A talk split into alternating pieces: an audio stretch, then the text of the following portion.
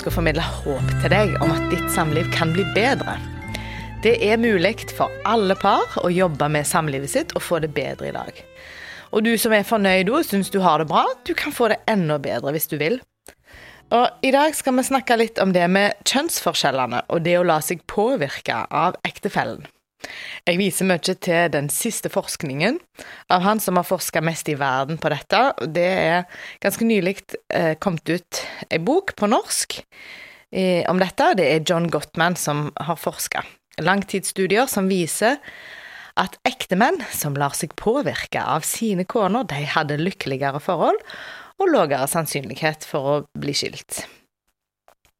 Eh, statistisk sett så utgjør det altså en risiko på 81% for at ekteskapet går i oppløsning når mannen nekter å la seg påvirke, eller nekter å dele makta med partneren. Kvinner er faktisk flinkere til dette. De lar mennene påvirke avgjørelsene som de tar, eh, og med å ta hensyn til mannens meninger og mannens følelser i saken men altfor ofte så gjør faktisk ikke mannen det til bars. Dette er ikke mine påstander, altså. Dette er forskning som Gottmann viser, og som viser at det ligger en viktig nøkkel her for å kunne ha det godt i sammen. Evnen til å la seg påvirke er grunnlaget for å kunne lykkes uansett hva slags konflikt du står oppi.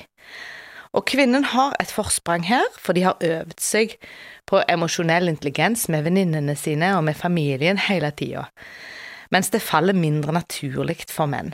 Det er en komiker som illustrerer denne forskjellen veldig tydelig, når han da fortalte at han og fruen hadde eh, hatt en kveld i sammen, og så eh, med en gang de kommer da i lag med det venneparet de skulle være sammen med, så fordyper kvinnene seg eh, i personlige samtaler om følelser og om liv, om situasjonene sånn de har det nå. Mens mennene viser aller mest følelser når de velger hvilken pizza de skal bestille. Og så, i bilen på vei hjem etter en hel kveld i lag, så sier kona til mannen ja, det er jammen imponerende hvor fint han har tilpassa seg amputasjon av høyrefoten. Og mannen bare nikker og later som om han liksom forstår, for han hadde ikke fått med seg at kameraten satt der uten en fot. Dette er satt veldig på spissen, men det har noe for seg. Eh, mennene ja, er ikke så opptatt av de tingene. Og Gottmann sier at eh, 35% av mennene er emosjonelt intelligente, da. At de får med seg disse tingene. Og det som kjennetegner en emosjonelt intelligente mann, er at han er åpen for å lære mer om følelser fordi han allerede anerkjenner og respekterer kona si. Han er ikke følsom på samme måten som ei kvinne, slett ikke, men han er flinkere å knytte til seg henne emosjonelt, gjennom å ta valg som viser at han setter pris på henne. For eksempel skru litt av på fotballsendinga noen minutter bare for å lytte til å høre hva hun vil si. Han har et kart over kona sin verden, det snakket vi om litt i en av de første episodene, at han forstår hva som foregår i hennes liv, at han har et kart oversikt over det.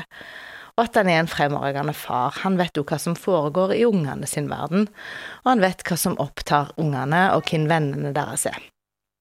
Motsetningen til denne mannen, til den emosjonelt intelligente mannen, det er muligens oftere å finne i en generasjon over oss, og her vil gjerne mannen føle seg krenka hvis han må gi avkall på eller dele makt, og han vil innta en offerrolle hvis han må det. Han kan reagere med å bli mer autoritær eller trekke seg unna. Han uttrykker ikke anerkjennelse eller respekt fordi han sjøl er på jakt etter å få den anerkjennelsen og respekten som han mener at han har krav på. Og han godtar ikke påvirkning fra kona si fordi han frykter at det blir mer makttap av det. Og siden den mannen da ikke gir anerkjennelse, eller gir, lar seg påvirke, så får han heller ikke særlig mye anerkjennelse eller innflytelse. Så det blir en sånn negativ sirkel. Med langt fra land, vinden er vår sang, drømmer fylle våre seil. Og mange menn som ikke lar seg påvirke av konene sine, de er ikke klar over det selv. De ser det ikke sjøl. Her kommer et eksempel. Det er Mona og Per, da. Per forteller at han må jobbe seint på torsdag. Da sier Mona, men har du glemt at vi skulle jo få besøk av mamma på fredag? Og vi hadde avtalt at vi skulle rydde og vaske i lag her på torsdag da. Kan du bytte vakt eller noe? Og han Per han velger da å skru av konflikten opp, og ikke la seg påvirke. Så sier han, hvorfor kan ikke du huske at jeg har dette store prosjektet på jobb nå? Det er uaktuelt for meg å bytte, og jeg må gjerne jobbe hele helga med dette. Og da blir Mona rasende slenger ut noen gloser og forlater rommet. Og her sitter da han Per igjen og kjenner seg dårlig behandla. Han inntar offerrollen, stakkar meg, foran TV-en for ei drittkjerring, og når Mona kommer inn igjen og forsøker å snakke til han, så overser han henne fullstendig eh, når hun snakker til han, og når hun etter hvert begynner å grine og er lei seg, så bare syns han at nå ble det altfor mye, så bare velger han å si at han er trøtt og vil gå og legge seg. Han Per bruker her rutterne. Han går i selvforsvar, og han eskalerer konflikten. Han går inn i barrikaden.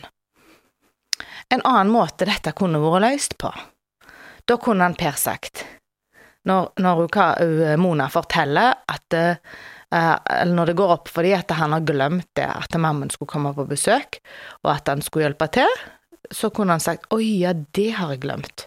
Men du, det blir vanskelig å bytte fordi det er så travelt på jobb nå, men jeg skal prøve, jeg. Jeg spør iallfall. Da hadde han latt seg påvirke. Det går an å la seg påvirke. Å være åpen for påvirkning, det er en holdning og en ferdighet som du kan jobbe med. Og det er nyttig å spørre seg sjøl hvorfor er dette så viktig for meg? Uh, og hvorfor kan jeg eventuelt ikke, eller hvorfor kan jeg gi etter her, eller hvorfor kan jeg ikke gi etter her? Det kan være gode grunner som gir god forståelse hos den andre, og det kan være nyttig å avdekke. Salme 85,11 står det 'Miskunn og sannhet skal møte hverandre'. Jeg oppfordrer dere til å øve dere på å bli påvirka av den andre. Lytte og forsøke å forstå, og det hjelper med øvelse. Vi skal få det til. Neste gang skal vi snakke om tilgivelse og hvordan vi håndterer det å bli såra. Jeg håper vi høres da. Skal